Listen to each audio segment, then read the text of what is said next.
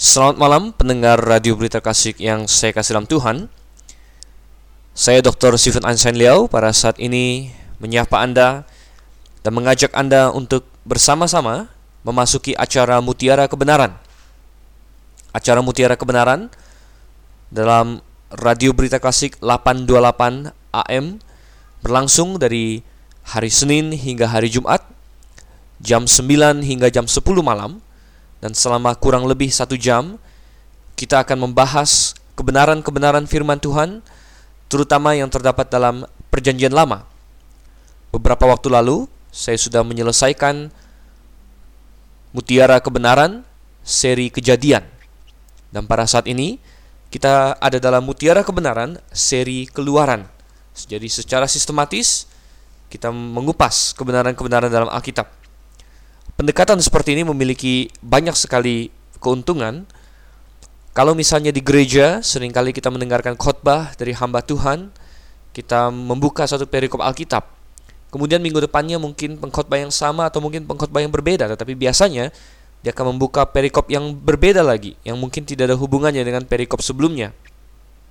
Memang dengan cara ini seorang Kristen bisa belajar banyak juga, tetapi Gates dan juga saya secara pribadi merasa bahwa orang-orang Kristen memerlukan suatu pemaparan Alkitab yang sistematis yang mulai dari awal sampai akhir membahas secara keseluruhan.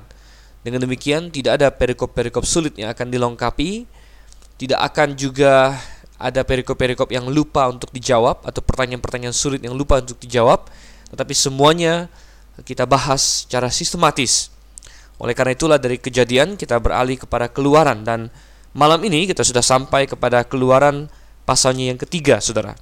Keluaran pasalnya yang ketiga. Siapkah Anda untuk bersama-sama dengan saya membahas kebenaran firman Tuhan? Siapkah Anda untuk mengesampingkan segala pikiran, segala pendapat kita yang dulunya mungkin kita pegang tetapi kita mau berkomitmen apa pun kebenaran firman Tuhan itu akan saya pegang?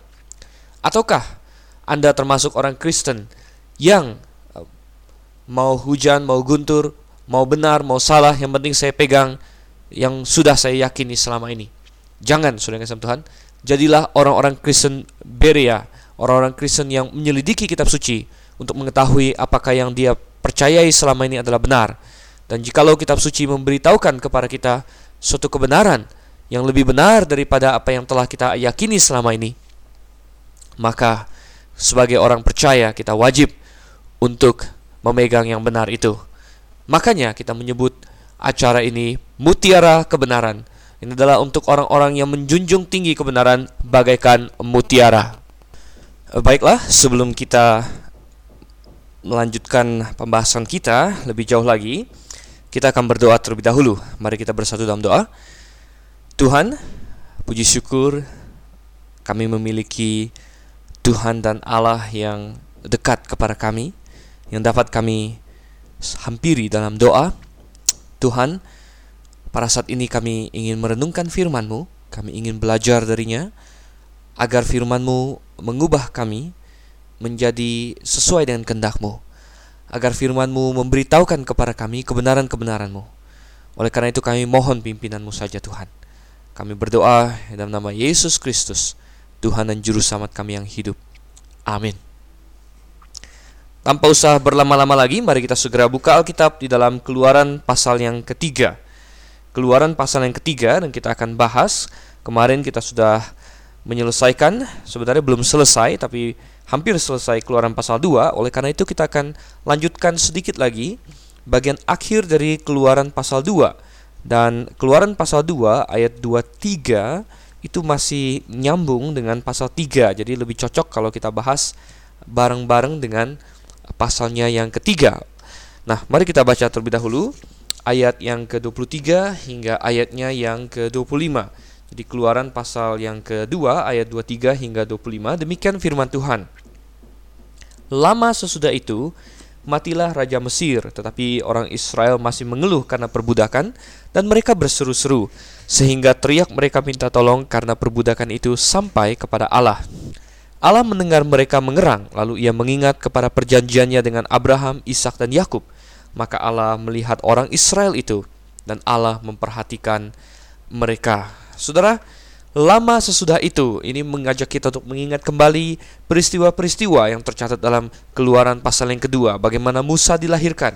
Musa yang telah Tuhan persiapkan untuk mengeluarkan bangsa Israel keluar dari tanah Mesir. Musa lahir dalam situasi yang extraordinaire, dalam situasi yang cukup mencekam, di mana hidupnya terancam. Dan dalam hal ini, dia merupakan tipologi dari Kristus. Dia menyerupai Kristus, karena Kristus juga lahir dalam situasi yang terancam.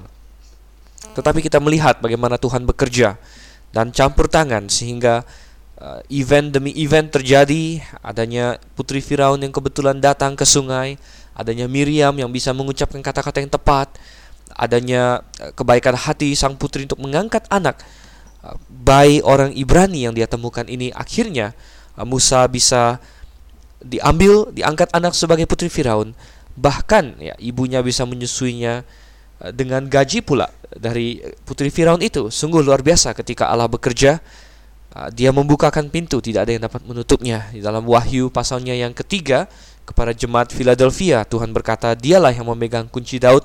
Jikalau dia membuka, tidak ada yang dapat menutup. Jikalau dia menutup, tidak ada yang dapat membuka. Dan ketika kita melihat Allah bekerja, kita terheran-heran dan terkagum-kagum. Benarlah kata Yesaya bahwa orang-orang yang menanti-nantikan Tuhan, oh mereka tidak akan mendapat malu, mereka akan terbang tinggi bagaikan Raja Wali. Saudara, Akhirnya Tuhan memimpin hidup Musa tentunya, tetapi walaupun besar di istana Firaun dan dididik dalam segala ilmu Mesir, waktu itu pendidikan terutama dilakukan di kuil Dewa Matahari. Itu adalah bagaikan universitas terhebat, saudara, pada zaman itu. Mesir sebagai negara superpower. Memang ada banyak penyembahan berhala di sana, tetapi Musa karena dia sudah mendapat basic yang bagus, saudara. Basic yang diajarkan orang tuanya Benarlah kata Amsal bahwa didiklah seorang muda menurut jalan yang patut baginya dan sampai kepada tuanya pun ia tidak akan meninggalkannya, maka Musa tetap berpaut padanya. Hari ini, universitas-universitas, sekolah tinggi-sekolah tinggi di seluruh dunia menyerupai kuil dewa matahari itu di mana mereka mengajarkan konsep-konsep yang tidak kristiani. Berapa banyak orang muda yang justru hancur hidupnya ketika dia di kuliah, Saudara. Jauh dari orang tua ngekos, dia terlibat dalam berbagai tindakan amoral, mungkin terlibat dalam merokok, terlibat dalam obat-obatan, eh, seks bebas, atau mungkin Saudara, imannya yang dahulu kepada Tuhan kuat tetapi karena pergaulan yang buruk, uh, dia akhirnya lama kelamaan menjadi lemah. Berapa banyak? Oh, tidak terhitung banyaknya. Tetapi tidak harus demikian. Orang muda bisa tetap pergi sekolah, tetap bisa mendapat pendidikan seperti Musa di berbagai pendidikan sekuler, tetapi tetap mempertahankan imannya. Jikalau dia memang, saudara, jika jikalau dia memang uh, sungguh-sungguh uh, memiliki dasar yang kuat, dia rindu akan firman Tuhan setiap saat. Akhirnya Musa menjadi besar, tetapi uh, waktu dia berumur 40 tahun itulah dia mulai merasa bahwa dia siap untuk memimpin bangsa Israel sehingga dia membunuh seorang Mesir. Dia membunuh seorang Mesir itu adalah tindakan melawan hukum, tapi dia membunuhnya dan akhirnya hal itu malah ketahuan dan dia harus lari dari hadapan Firaun yang ingin membunuhnya. Itulah kejadian-kejadian di pasal 2, Saudara. Dan 40 uh, tahun berlalu sebelum kita ketemu lagi dengan Musa.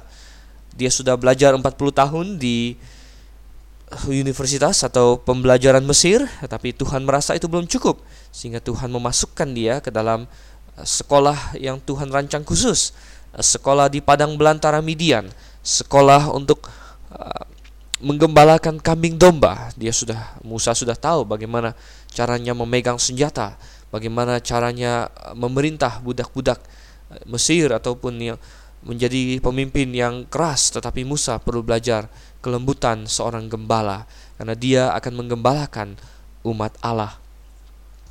Saudara, lama sesudah itu, lama sesudah Musa lari, lari dari raja Mesir, maka raja itu mati, Saudara. Tetapi matinya raja yang jahat itu bukan berarti orang Israel semakin senang. Oh, tidak. Raja berikutnya pun sama bengis atau bahkan lebih bengis lagi.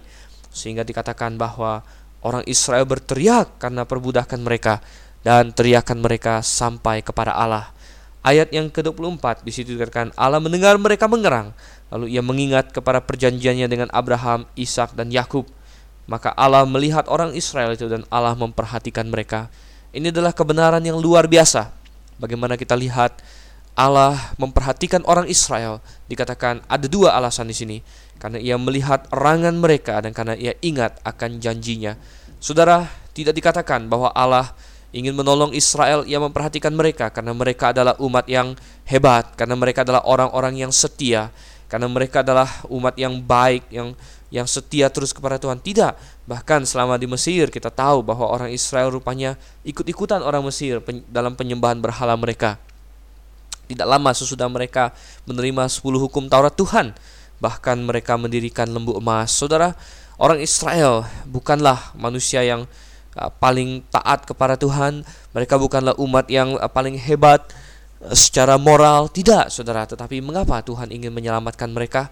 Oh, karena kasih karunia, karena janjinya, karena dia berbelas kasihan kepada orang-orang Israel itu tuh, uh, saudara, bukankah ini adalah hal yang menggembirakan? Bukankah ini hal yang menyenangkan? Kalau Tuhan perlu mencari dulu kebaikan kita sebelum Dia mau menyelamatkan kita. Kalau Tuhan perlu dulu mencari alasan, mengapa saya harus menyelamatkan penginjil Stephen? Mengapa saya harus menyelamatkan dia? Kalau Tuhan harus menemukan satu kebaikan dalam diri saya, barulah Dia mau menyelamatkan saya, maka saya orang terhilang. Karena dalam diri manusia tidak ada kebaikan yang dapat dia banggakan kepada Tuhan, yang dapat dia pakai untuk menyombongkan diri dan berkata, "Tuhan, aku pantas untuk mendapat kasih karunia, aku pantas untuk masuk surga. Aku pantas untuk Engkau perlakukan dengan baik." Saudara, tidak ada satu orang pun yang dapat berkata demikian. Dan kalau Tuhan perlu untuk menemukan alasan kebaikan kita, baru Dia mau menyelamatkan kita, maka kita semua orang yang binasa. Tetapi puji syukur, Tuhan tidak perlu menemukan kebaikan dalam diri kita untuk menyelamatkan kita, tetapi Tuhan atas dasar belas kasihan, kasih karunia-Nya dan janjinya kepada manusia, janjinya kepada Abraham, janjinya uh, kepada Adam dan Hawa bahwa Dia akan mendatangkan juru selamat maka saudara yang kasih Tuhan, kita bisa diselamatkan. Saudara, amin. Bukankah itu hal yang berita yang gembira? Oh, sungguh saudara, kita tidak perlu lagi dan masuk surga mengandalkan diri kita sendiri karena kita pasti gagal. Baiklah, kita lihat sekarang ayat yang pertama dari pasal yang ketiga. Kita lanjutkan pasal 3 ayatnya yang pertama sampai ayatnya yang ketiga. Adapun Musa, ia biasa menggembalakan kambing domba Yitro, mertuanya, imam di Midian. Sekali ketika ia menggiring kambing domba itu ke seberang padang gurun, sampailah ia ke gunung Allah, yakni gunung Horeb. Lalu malaikat Tuhan menampakkan diri kepadanya di dalam nyala api yang keluar dari semak duri. Lalu ia melihat dan tampaklah semak duri itu menyala tetapi tidak dimakan api. Musa berkata, "Baiklah aku menyimpang ke sana untuk memeriksa penglihatan yang hebat itu." Mengapakah tidak terbakar semak duri itu? Waktunya sudah tiba bagi Musa untuk dipanggil kembali oleh Allah dan untuk Allah kirim kepada umat Israel untuk membebaskan mereka. 40 tahun sudah berlalu, dia sudah belajar dalam sekolah Allah selama 40 tahun. Oh, saudara, Allah tidak punya batas waktu untuk mendidik seseorang. Tidak tidak seperti SMA, pokoknya harus tiga tahun selesai. Tidak. Allah memakai sebanyak waktu yang diperlukan untuk mendidik orang tersebut dan untuk Musa rupanya 40 tahun di Mesir belum cukup masih diperlu ditambah 40 tahun di padang gurun nah sekarang sudah tiba waktunya saudara Musa selama ini menjadi gembala sidang sorry bukan gembala sidang gembala domba dia menjadi gembala domba dan dia biasa mengembalakan domba ke daerah-daerah sekitar Midian di sana Dikatakan di sini mertuanya adalah Yitro. Nah, ada yang mengatakan bahwa nama ini berbeda dengan nama yang di pasal kedua di mana disebut di situ adalah Rehuel. Dan ada yang mengatakan ini adalah kesalahan atau ini ditulis oleh dua penulis yang berbeda, tetapi ini adalah cara penyelesaian masalah yang lucu sekali. Sebenarnya tidak ada kesalahan di sini dan juga bukan karena ditulis oleh dua orang yang berbeda, tetapi Rehuel adalah nama lain dari Yitro bukanlah suatu hal yang aneh bagi orang untuk memiliki lebih dari satu nama. Apalagi orang zaman dulu, orang zaman sekarang saja ada banyak nama. Ah, seseorang biasanya punya nama depan dan nama belakang. Tidak jarang yang punya nama tengah. Bahkan ada yang sampai empat atau lima nama untuk satu orang. Jadi Rehuel dan Yitro tentunya adalah orang yang sama. Suatu hari ketika Musa sedang mengembalakan domba, Tuhan tahu bahwa inilah saat yang tepat untuk memanggil Musa kembali. Dan Tuhan ingin menarik perhatiannya sehingga Tuhan menampakkan diri. Katanya pertama-tama di Gunung Horeb. Gunung Horeb adalah salah satu gunung. Ya ini sama dengan Gunung Sinai, Saudara. Dan Gunung Horeb atau Gunung Sinai ini terletak di padang gurun. Rupanya cukup dekat dengan tempat di mana Musa tinggal. Dikatakan Gunung Horeb di sini adalah Gunung Allah. Dan Gunung Horeb disebut Gunung Allah tentunya adalah kilas balik yaitu ketika Musa menulis ini dia sudah tahu bahwa di Gunung Sinai atau Gunung Horeb lah Allah menampakkan diri kepada orang Israel untuk memberikan kepada mereka 10 hukum Taurat itu. Oleh karena itu di dalam keluaran disebut sebagai gunung Allah ini untuk mengingat kembali bahwa memang di situlah orang Israel e, menerima hukum Taurat itu. Dan malaikat Tuhan atau Allah menampakkan diri di eh, Gunung Horeb dan di sebuah semak duri yang terbakar. Oh, ini adalah suatu hal yang menarik sekali. Tentu ini adalah suatu mukjizat. Namanya saja malaikat Allah, malaikat Tuhan yang menampakkan diri. Siapa sebenarnya malaikat Tuhan ini, Saudara? Di dalam Alkitab sering kali kita temukan istilah malaikat Tuhan dan kalau Anda perhatikan kata Tuhan di situ dalam Kitab Keluaran pasal 3 ayat yang kedua, lalu malaikat Tuhan, kata Tuhan di situ adalah huruf besar semua. T U H A N semuanya huruf besar. Dan ketika dalam Alkitab bahasa Indonesia ada Tuhan semua huruf besar atau ada kata Allah semua huruf besar, maka kita tahu bahwa dalam bahasa aslinya ini adalah kata Yehova. Jadi malaikat Tuhan dalam bahasa Ibrani adalah malak Yehova, malak Yehova. Saudara, kata malaikat bisa mengacu kepada suatu seorang utusan. Seorang utusan jadi ini adalah utusan Yehova. Di dalam Alkitab istilah malaikat Tuhan ini selalu mengacu kepada tidak lain adalah Yesus Kristus sendiri. Karena setiap kali dia menampakkan diri, kita melihat orang menyembah dia. Kemudian dia menerima persembahan orang dan dia adalah tidak lain Allah sendiri. Tetapi bukankah dalam Yohanes 1 ayat 18 dikatakan bahwa tidak ada seorang pun yang pernah melihat Allah? Sungguh benar, saudara. Tetapi ayat itu berlanjut. Tetapi anak tunggal Allah yang duduk di pangkuan Bapa, dialah yang menyatakannya. Jadi malaikat Tuhan yang dilihat oleh berbagai tokoh di Perjanjian Lama, mulai dari Musa, mulai dari Abraham, nanti Gideon, ah, itu semua adalah Allah sendiri. Tetapi bukan Allah Bapa, karena tidak seorang pun pernah melihat Allah. Tapi anak tunggal Allah yang duduk di pangkuannya, dialah yang menyatakannya. Jadi malaikat Allah di sini adalah Yesus Kristus, Kristofani dalam penampakan sebelum dia menjadi manusia. Dan kita lihat di sini bahwa malaikat Tuhan menampakkan diri dalam sebuah semak duri yang terbakar. Ini adalah satu hal yang aneh, tetapi nyata. Musa bahkan terheran-heran dan dia berkata, "Wow, baiklah aku menyimpang ke sana untuk memeriksa penglihatan yang hebat itu." Berbagai tokoh dan penafsir liberal berusaha untuk mengesampingkan aspek mukjizat dari kejadian ini sehingga mereka berkata, "Oh, ini adalah suatu fata morgana." Uh, waktu itu mungkin musim gugur dan daun-daun yang berwarna kemerahan jatuh di semak duri sehingga tampak terbakar. Ini adalah penjelasan-penjelasan yang sungguh bodoh kalau saya pikir. Apakah Musa sedemikian bodohnya sehingga dia tidak bisa membedakan antara uh, daun-daun berwarna merah dengan semak duri yang terbakar? Ingat bahwa Musa telah berlalang buana, telah lalu lalang dari daerah itu selama 40 tahun. Tidakkah ia tahu daerah itu? Jangan kita menghakimi Musa berdasarkan standar orang kota yang mungkin tidak pernah pergi ke ladang yang bisa saja salah. Musa adalah orang yang sudah puluhan tahun hidup di situ. Benar, ini adalah semak duri yang sungguh-sungguh terbakar tetapi tidak terbakar. Semak duri yang ada apinya tetapi dia tidak habis, tidak hangus. Saudara, semak duri ini bisa melambangkan banyak hal dalam kehidupan kita.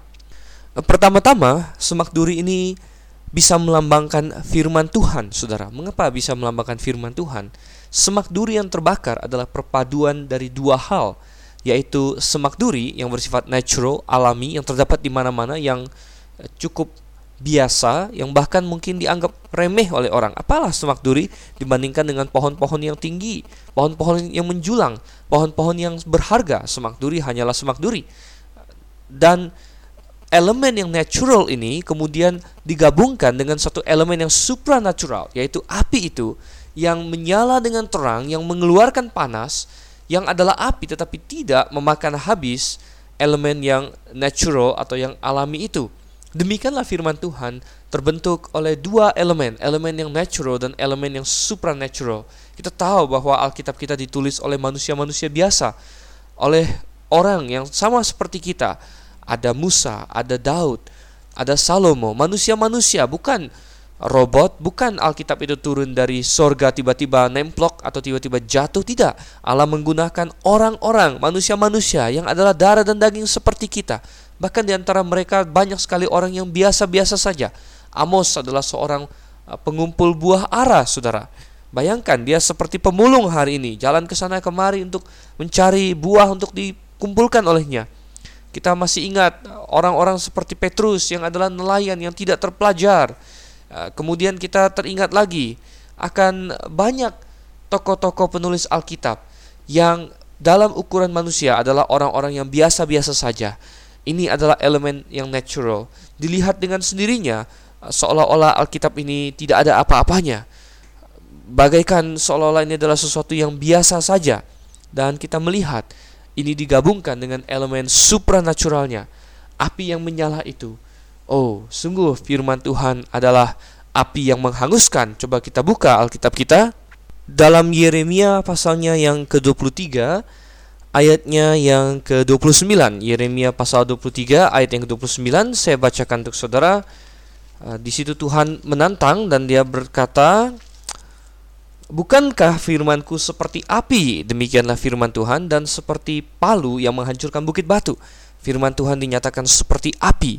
Api yang bisa menghancurkan apa saja yang ada merintangi dia.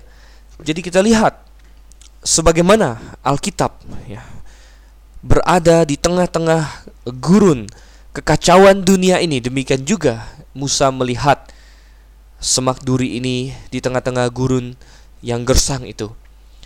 Dan sebagaimana api yang berada di semak duri itu bisa menerangi sekitarnya, demikian juga firman Tuhan adalah pelita bagi kaki kita dan menerangi dunia yang gelap ini. Sungguh ini adalah suatu hal yang menarik sekali, saudara. Kemudian kita lihat lagi, uh, Tuhan ingin menunjukkan bahwa Dia mampu untuk melakukan hal-hal yang bagi manusia adalah mustahil. Ini adalah satu makna lagi dari semak api ini. Ingat bahwa Tuhan sebentar lagi akan menyuruh Musa untuk melakukan suatu pekerjaan yang besar, suatu pekerjaan yang secara manusiawi mungkin tampaknya mustahil, suatu pekerjaan yang berbahaya, bisa kita bilang, dan dia ingin Musa untuk melakukannya. Tentunya Tuhan ingin menanamkan dalam benak Abraham bahwa dia adalah Allah yang melakukan hal-hal yang tidak mungkin. Allah atas kemustahilan. Allah yang bisa mengatasi alam semesta ini. Dia adalah Allah yang mampu. Kalau dia mampu untuk membuat semak duri, kemudian ada api dan semak itu tidak terbakar, tidakkah ia mampu untuk menjaga orang Israel? Tidakkah ia mampu untuk memelihara orang Israel dari hangatnya murka Firaun ketika nanti Firaun akan marah bahwa mereka minta pergi dari Mesir? Oh, Tuhan mampu. Dan semak duri adalah suatu pelajaran untuk mengingatkan akan hal itu. Saudara, coba kita lihat ayatnya yang keempat sampai ayatnya yang ke-12, saudara. Ayatnya yang keempat hingga ayat yang ke-12 dikatakan, Ketika dilihat Tuhan bahwa Musa menyimpang untuk memeriksanya, berserulah Allah dari tengah-tengah semak duri itu kepadanya, Musa, Musa, dan ia menjawab, Ya Allah, dan ia berfirman, Janganlah datang dekat-dekat, tanggalkanlah kasutmu dari kakimu, sebab tempat di mana engkau berdiri itu adalah tanah yang kudus. Lagi ia berfirman, Akulah Allah ayahmu, Allah Abraham, Allah Ishak dan Allah Yakub. Lalu Musa menutupi mukanya sebab ia takut memandang Allah. Dan Tuhan berfirman, Aku telah memperhatikan dengan sungguh kesengsaraan umatku di tanah Mesir, dan aku telah mendengar seruan mereka yang disebabkan oleh pengerah-pengerah mereka. Ya, aku mengetahui penderitaan mereka. Sebab itu aku telah turun untuk melepaskan mereka dari tangan orang Mesir dan menuntun mereka keluar dari negeri itu ke suatu negeri yang lebih baik dan luas, suatu negeri yang berlimpah-limpah susu dan madunya, ke tempat orang Kanaan, orang Het, orang Amori, orang Feris, orang Hewi dan orang Yebus. Sekarang seruan orang Israel telah sampai kepadaku juga telah kulihat betapa kerasnya orang Mesir menindas mereka. Jadi sekarang Pergilah, aku mengutus engkau kepada Firaun untuk membawa umatku orang Israel keluar dari Mesir. Tetapi Musa berkata kepada Allah, Siapakah aku ini? Maka aku akan menghadap Firaun dan membawa orang Israel keluar dari Mesir. Lalu firmannya, Bukankah aku akan menyertai engkau? Inilah tanda bagimu bahwa aku yang mengutus engkau apabila engkau telah membawa bangsa ini keluar dari Mesir. Maka kamu akan beribadah kepada Allah di gunung ini kita lihat di sini Musa yang mulai penasaran dengan semak duri itu akhirnya menyimpang untuk pergi ke semak duri itu. Dan Tuhan pada saat ini harus mengajarkan kepada Musa suatu kebenaran yaitu bahwa kemuliaan dan kesucian Tuhan membuat Tuhan terpisah dari segala makhluk yang dia ciptakan. Artinya, Tuhan adalah kudus dan Anda tahu bahwa arti kata kudus yang sebenarnya atau dalam bahasa Ibrani-nya Kodesh, dalam bahasa Yunani-nya Hagios, arti kata kata kudus sebenarnya adalah terpisah, Saudara. Tuhan adalah kudus karena dia terpisah dari segala hal yang lain. Dia terpisah dalam hal dia tidak bisa didekati oleh dosa. Dia kudus. Dia terpisah dari ciptaannya karena ciptaan-ciptaannya yang berdosa tidak dapat menjangkau dia. Dia terpisah dari ciptaannya karena para ciptaannya itu tidak bisa mencapai tingkatan Tuhan. Dia terpisah sendiri. Allah yang terpisah bukan berarti Allah yang tidak bisa kita dekati. Di dalam perjanjian baru melalui Yesus Kristus kita dapat mendekati Allah karena kita memiliki Yesus Kristus. Ingat bahwa tidak seorang pun pernah melihat Allah Bapa selain daripada Allah Anak yang menyatakannya. Demikian juga tidak ada seorang pun dapat sampai kepada Bapa kalau tidak melalui aku, kata Yesus Kristus. Saudara, dalam masa perjanjian lama ini, di mana Musa akan diberikan hukum Taurat oleh Tuhan, Tuhan ingin mengajarkan kepadanya bahwa kekudusan Allah membuat Allah tidak dapat didekati oleh orang berdosa. Oleh karena itu, ketika Musa ingin mendekat kepada semak duri itu, maka Allah berseru kepadanya, katanya, "Jangan dekat-dekat, jangan terlalu dekat, sebab tanah ini suci dan Musa harus membuka kasutnya, sudah kasam Tuhan. Akhirnya Musa menjawab, "Ya Allah." Rupanya segala ilmu pengetahuan yang dia pelajari di Mesir tidak mempersiapkan dia untuk belajar tentang kekudusan Allah. Oh, Saudara, benar.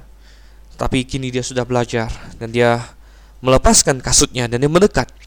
Saudara, akhirnya Tuhan berkata kepada dia yang keenam, Tuhan berkata, Akulah Allah ayahmu, Allah Abraham, Allah Ishak dan Allah Yakub.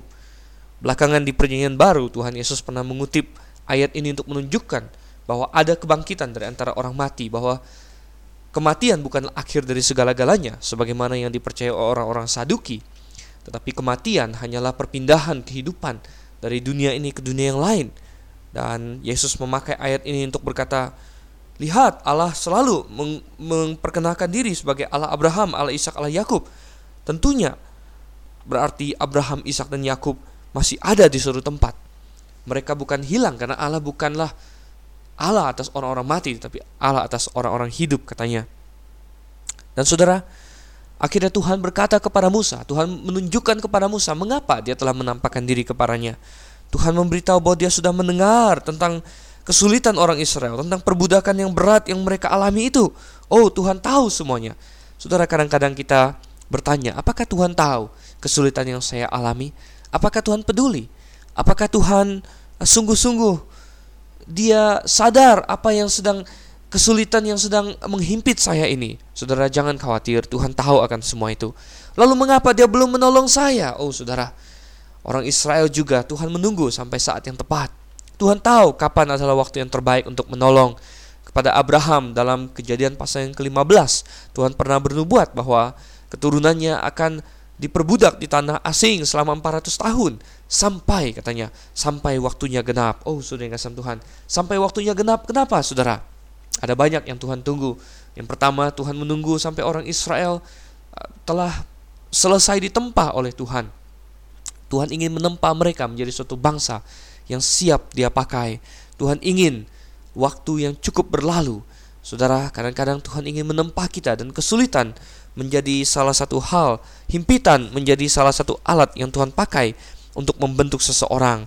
Coba kita perhatikan dalam Mazmur pasal yang ke-119, Saudara.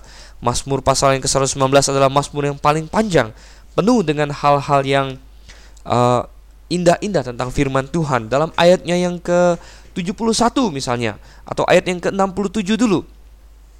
Mazmur 119 ayat 67 Sebelum aku tertindas aku menyimpang tetapi sekarang aku berpegang pada janjimu. Penindasan adalah salah satu alat Tuhan untuk membentuk seseorang. Ayat yang ke-71, bahwa aku tertindas itu baik bagiku, supaya aku belajar ketetapan-ketetapanmu. Saudara, jadi salah satu hal yang Tuhan tunggu adalah pembentukan bangsa Israel dengan benar. Hal lain lagi yang Tuhan tunggu, kalau kita lihat kembali dalam kejadian pasal yang ke-15, kejadian pasalnya yang ke-15, saudara, ayatnya yang ke-16 tetapi keturunan yang keempat akan kembali ke sini sebab sebelum itu kedurjanaan orang Amori itu belum genap. Tuhan menunggu sampai kejahatan orang-orang Kanaan nanti sudah penuh dan sudah pantas, sudah cukup untuk Tuhan hakimi secara besar-besaran, untuk Tuhan musnahkan dari muka bumi ini.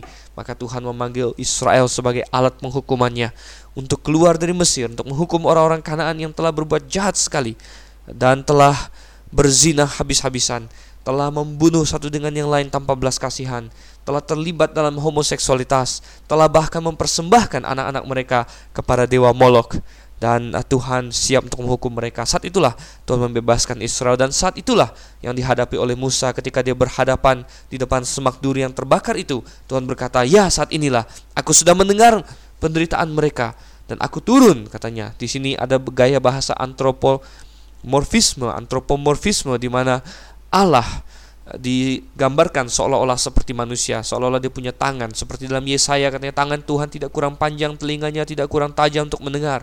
Oh, itu adalah bahasa antropomorfisme di mana Tuhan diibaratkan seperti manusia, punya tangan, punya telinga. Di sini juga Saudara, Tuhan turun katanya. Aku sudah mendengar, aku turun untuk menebus mereka. Tetapi saudara perhatikan ayat yang ke-8.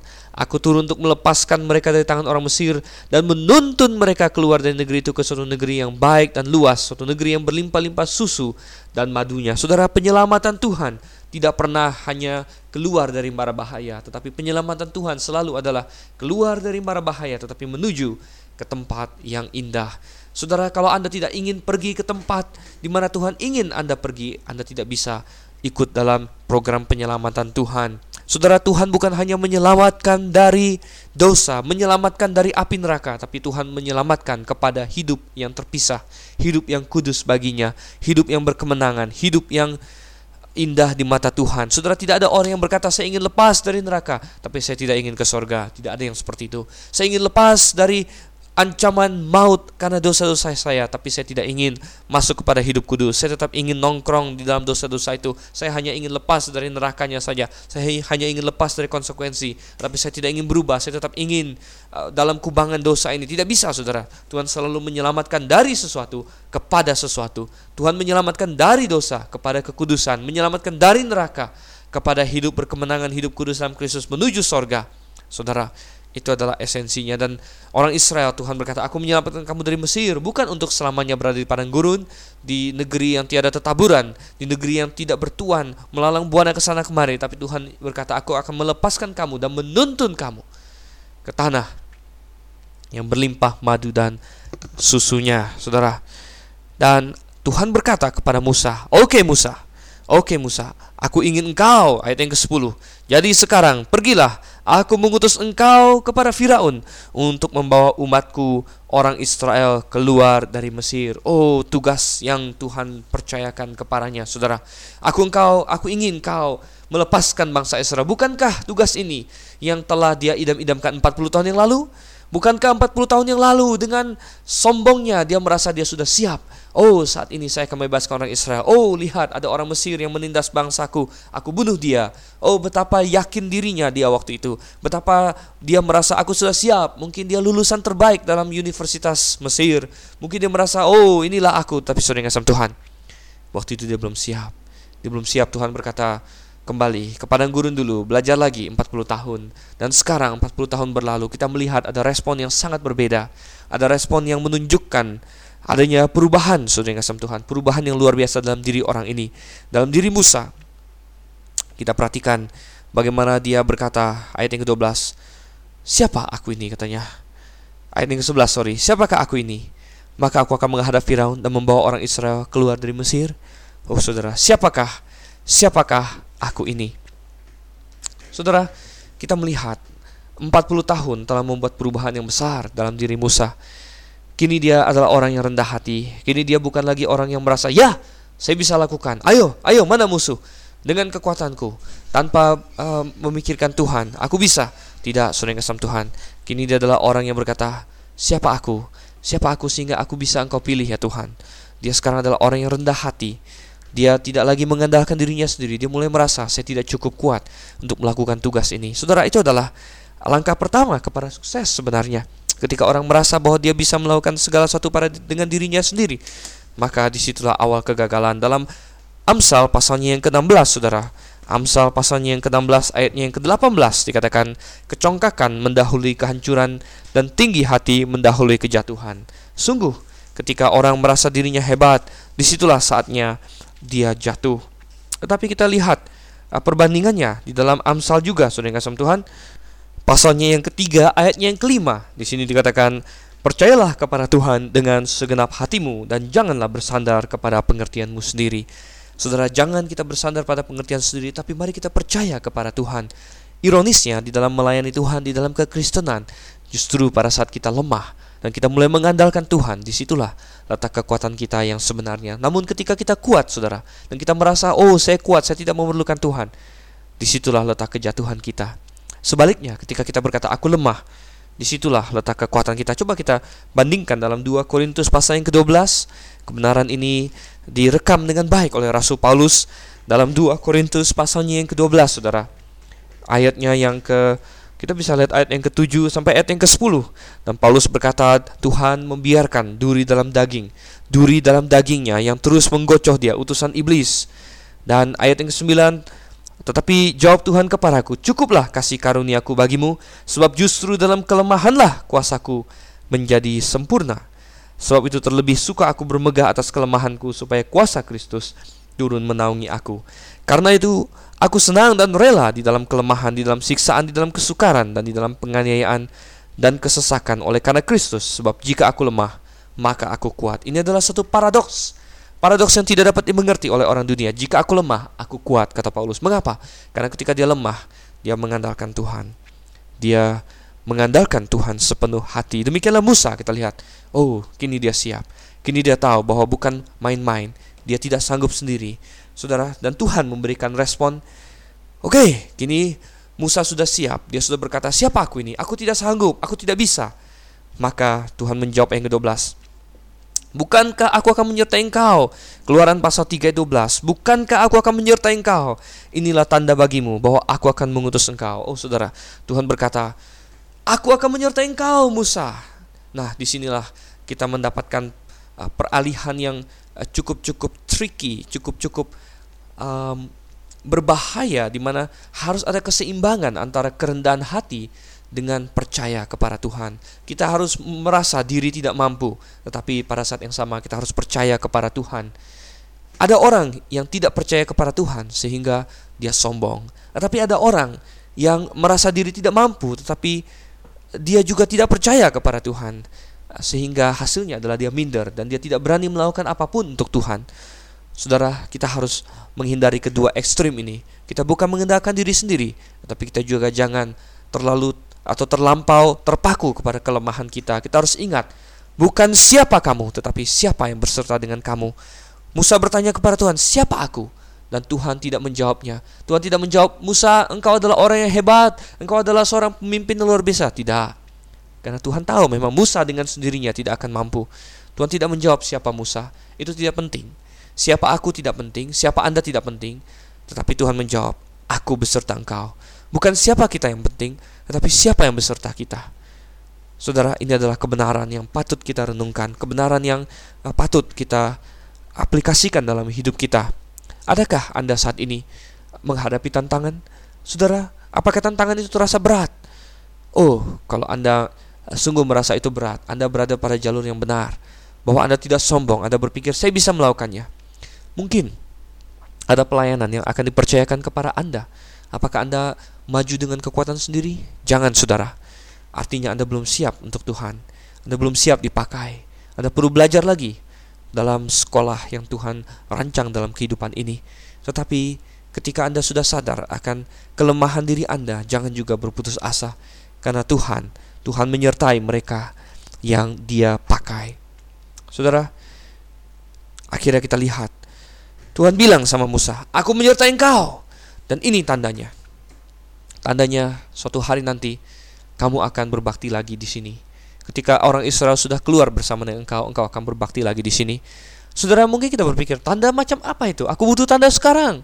Kalau nanti sudah berhasil baru ada tandanya, itu bukan tanda lagi. Aku perlu bukti, tetapi di sinilah kita melihat Tuhan tidak memberikan tanda yang seperti itu. Tuhan memberikan kepada Musa tanda yang pertama di sini adalah tanda yang memerlukan iman. Tandanya engkau akan kembali berbakti di sini. Oh, diperlukan iman untuk melihat tanda seperti itu, saudara. Karena tandanya belum nampak. Tandanya nanti. Justru kalau sudah berhasil akan ada tandanya. Jadi, ini adalah tanda yang dapat dilihat dengan iman.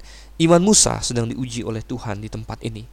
Kita lanjutkan, saudara, ayat yang ke-13 sampai ayatnya yang ke-15, saudara. Ayat 13 hingga ayat yang ke-15. Lalu Musa berkata kepada Allah, tetapi apabila aku mendapatkan orang Israel dan berkata kepada mereka, Allah nenek moyangmu telah mengutus aku kepadamu, dan mereka bertanya kepadaku bagaimana tentang namanya, apakah yang harus kujawab kepada mereka? Firman Allah kepada Musa, Aku adalah aku. Lagi firmannya, beginilah kau katakan kepada orang Israel itu, Akulah aku, telah mengutus aku kepadamu. Selanjutnya berfirmanlah Allah kepada Musa, Beginilah kau katakan kepada orang Israel, Tuhan Allah nenek moyangmu, Allah Abraham, Allah Ishak dan Allah Yakub telah mengutus aku kepadamu. Itulah namaku untuk selama-lamanya dan itulah sebutanku turun temurun. Saudara Tuhan, di sini kita melihat Musa seorang yang masih minder, masih rendah diri, dia mungkin trauma dengan penolakan orang Israel 40 tahun yang lampau dan dia mencoba berpikir, dia mencoba memikirkan kesulitan-kesulitan yang akan dia hadapi. Dia enggan sudah dengan Tuhan. Oleh karena itu dia mencari alasan. Dia berpikir, dia berpikir, bagi Tuhan bagaimana kalau begini? Tuhan bagaimana kalau begitu? Dan kita melihat Tuhan dengan lembut dan dengan sabar menjawab pertanyaan Musa satu persatu. Dan kita akan dapatkan Musa membuat alasan demi alasan dari pasal 3 nanti sampai pasalnya yang keempat Tuhan ladeni dengan sabar. Dan alasan dia yang pertama, saudara kasih Tuhan, atau hal yang pertama yang yang tuh yang Musa pakai sebagai sanggahan adalah Tuhan, eh, bagaimana kalau aku sampai kepada mereka, lalu mereka bertanya, eh, bagaimana tentang namanya? Oh, saudara kasih Tuhan, eh, banyak orang salah menafsirkan perikop ini, seolah-olah mereka berpikir orang Israel akan bertanya apa nama Allah yang mengutus kamu itu. Bukan, saudara. Eh, Musa tidak takut orang Israel bertanya tentang siapa nama Tuhan karena orang Israel dan Musa sendiri sudah tahu nama Tuhan yaitu nama Yehova. Nama Yehova sudah sering dipakai. Keluaran pasal 3 bukanlah kali pertama Tuhan menampakkan diri dengan namanya Yehova. Tetapi kalau kita lihat di dalam kejadian, saudara, kejadian pasalnya yang keempat, ayat yang ke-26, kejadian 4 ayat 26, lahirlah seorang anak laki-laki bagi Set juga, dan anak itu dinamainya Enos. Waktu itulah orang mulai memanggil nama Tuhan. Sejak dari situ, saudara, katanya orang sudah memanggil nama Yehova. Dan di sepanjang kitab kejadian, nama Yehova sudah banyak dipakai oleh bapak-bapak iman. Abraham kenal dengan nama Yehova. Dia bahkan menamai tempat dia hampir saja mengorbankan anaknya Ishak dengan nama Yehova Yireh atau Tuhan menyediakan. Jadi dia kenal dengan nama Yehova. Isa kenal dengan nama Yehova, Yakub kenal dengan nama Yehova, dan demikian juga anak-anaknya kenal dengan nama Yehova. Oleh karena itu, uh, Musa bukan takut bahwa dia tidak tahu harus menjawab apa nama Allah itu. Bukan itu yang ditanya oleh Musa. Kalau kita perhatikan ayat ini dengan seksama, saudara, dalam keluaran pasal 3 ayat yang ke-13, Musa bertanya, apa yang harus kukatakan jika mereka bertanya kepadaku, bagaimana tentang namanya? Bukan apa namanya, tapi bagaimana tentang namanya. Saudara Mesir adalah suatu negara yang politeis, suatu negeri yang menyembah banyak sekali dewa-dewi dengan nama mereka. Ada Apis, dewa lembu. Ada Ra, dewa matahari. Oh, ada Anubis, dewa jakal, uh, anjing yang menguasai alam maut. Saudara nggak sama Tuhan. Nanti ketika Musa datang kepada orang Israel, dia akan datang bukan mewakili Anubis, bukan mewakili Apis, bukan mewakili A. uh, Ra, sorry, bukan mewakili Ra, saudara kasih Tuhan, tapi dia akan datang mewakili Yehova. Dia akan berkata, Yehova telah mengutus aku. Dan uh, mungkin orang Israel akan bertanya-tanya kepadanya, lalu mengapa dengan Yehova? Lalu mengapa? Kita di sini punya banyak dewa-dewi dengan berbagai nama. Orang Mesir ada yang menyembah Ra, Anubis, Apis dan seribu satu lagi dewa-dewa yang lain saudara kasih Tuhan. Lalu bagaimana dengan Yehova? Apanya yang spesial kalau namanya Yehova? Apa hubungannya namanya Yehova itu dengan situasi kami para saat ini? Oh saudara kasih Tuhan, intinya orang Israel ingin tahu apa signifikansi dari nama Yehova itu bagi situasi mereka bagi kondisi mereka. Mereka sedang meraung-raung dalam perbudakan. Lalu bagaimana yang namanya Yehova ini akan menolong kita? Apa bedanya Yehova dengan Anubis, dengan Ra, dengan Baal, dengan Asitoret, dengan dewa-dewi yang lain? Lalu kenapa kalau dia Yehova? Oh, saudara kasih Tuhan, di sinilah mereka bukan bertanya apa nama Allah, mereka sudah tahu itu. Mereka kenal dengan nama Yehova, tetapi di sini mereka ingin tahu apa signifikansi, apa arti nama Yehova dan bagaimana Yehova itu bisa menolong mereka dan berhubungan dengan situasi mereka dan Tuhan Saudara menjawab itu dengan pas sekali. Tuhan menjawab dan Tuhan membeberkan di sini. Tuhan membeberkan apa arti dari nama Yehova itu, Saudara. Dan dia berkata, "Oke, okay, kalau mereka bertanya demikian, jawablah, aku adalah aku. Aku adalah aku. Apa arti Yehova? Bagaimana tentang namanya itu? Aku adalah aku." Saudara kasih Tuhan. Dalam bahasa Ibrani di sini adalah Ehye, Asher, Ehye. Ehye, Asher, Ehye. Aku yang adalah aku. Saudara, hanya Allah yang bisa berkata demikian dan kita melihat dari frase ini Allah menunjukkan bahwa Dia adalah Allah yang ada. Allah yang eksis. Dia eksis. Mungkin Anda berkata, saya juga eksis. Dunia juga eksis. Uh, alam semesta eksis. Lalu apa spesialnya bahwa Allah eksis, bahwa Allah itu ada? bahwa aku adalah aku. Oh, berbeda saudara kasih Tuhan. Alam semesta, malaikat, binatang-binatang, pohon, semua manusia, Anda dan saya, kita eksis dan eksistensi kita bergantung kepada Tuhan. Eksistensi kita bergantung kepada Tuhan, saudara kasih Tuhan. Kita bukan hidup karena kehebatan kita sendiri, tetapi alam semesta ditopang oleh Tuhan. Berbeda dengan Allah, berbeda dengan Ehye, Asher, Ehye.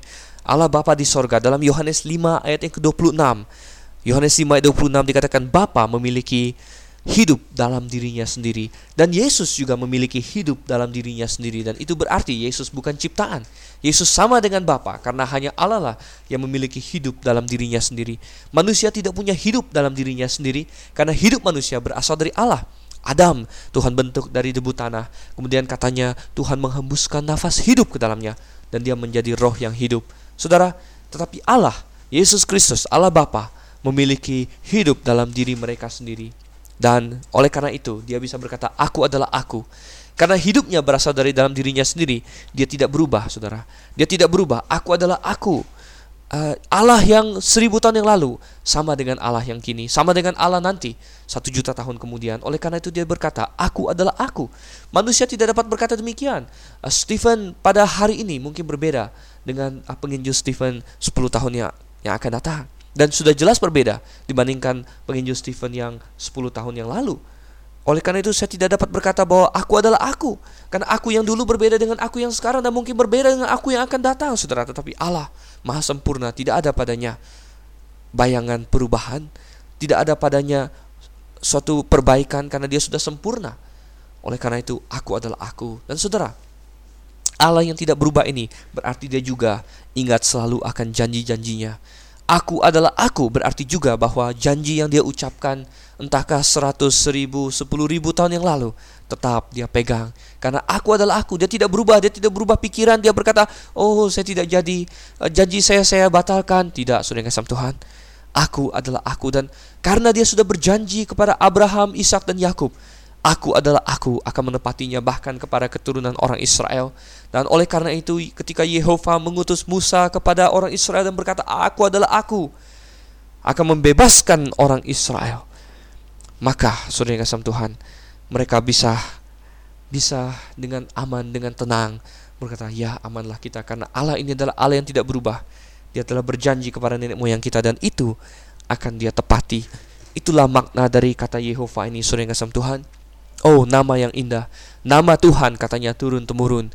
Nama yang spesial, nama ya, nama perjanjiannya dengan orang Israel. Saudara, apakah kita hari ini boleh memakai nama ini? Tentu boleh, Saudara yang Tuhan. Tentu boleh. Kita bisa memakai nama Yehova dengan penuh hormat tentunya. Ini adalah namanya yang menggambarkan menggambarkan tentang uh, ketiada berubahan dia, kepastian dia, kekekalan dia, sifatnya di mana kita dapat bergantung kepada nama ini untuk setiap detik kehidupan kita. Sama seperti Tuhan memakai nama-nama yang lain. Oh, dia disebut Adonai, artinya dia pemilik alam semesta. Dia disebut sebagai banyak lagi yang lain, Saudara. Dia disebut sebagai uh, Yehova Jireh yang menyediakan. Dia disebut sebagai Yehova uh, Nisi, Allah pan, uh, Tuhan panji-panjiku. Setiap namanya mengandung arti dan membeberkan tentang suatu sifatnya. Tentu kita bisa memakai nama Yehova, tetapi saudara kasih Tuhan, saya ingin ingatkan bahwa uh, belakangan ini ada satu sekte dalam kekristenan yang mulai muncul dan uh, mereka uh, memberikan penekanan yang berlebihan kepada nama Yehova ini. Bagaimana memberikan penekanan yang berlebihan itu saudara yang kasih Tuhan? Mereka ingin berkata bahwa kita hanya bisa menyembah Tuhan dengan nama Yehova ini. Oh, saya katakan salah, saudara kasih Tuhan. Kita bisa menyembah Tuhan dengan nama-namanya yang lain dalam Alkitab. Kita bisa menyebut dia Elohim. Oh, apa terjemahan Elohim dalam bahasa Indonesia? Elohim diterjemahkan Allah dalam bahasa Indonesia. Oh, hari ini ada kontroversi mengenai apakah kita boleh memakai nama Allah atau tidak. Tetapi saya katakan bahwa Allah adalah terjemahan dari Elohim, saudara. Ah, Allah dalam bahasa Ibrani Elohim adalah bentuk jamak dari Eloah. Eloah adalah bentuk tunggal, Elohim adalah bentuk jamak. Dan dalam Alkitab, Allah atau Tuhan eh, sering kali juga disebut dengan istilah Eloah. Dan Eloah akhirnya menjadi Allah dalam bahasa Arab dan oleh karena dibawa oleh saudagar-saudagar uh, Arab akhirnya diindonesiakan sudah kasih Tuhan sehingga dalam bahasa Indonesia Elohim God akhirnya uh, dipakai kata Allah dalam bahasa Indonesia. Nah, apakah ada agama lain yang memakai istilah ini? Itu terserah mereka.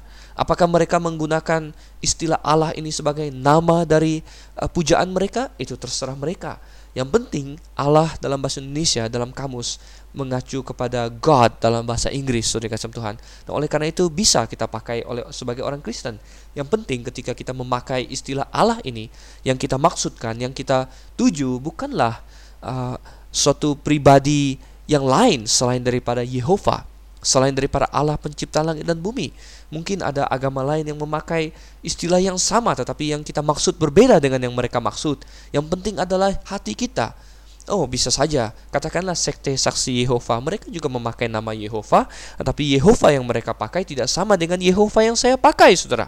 Yehova yang disembah oleh saksi Yehova adalah ilah palsu.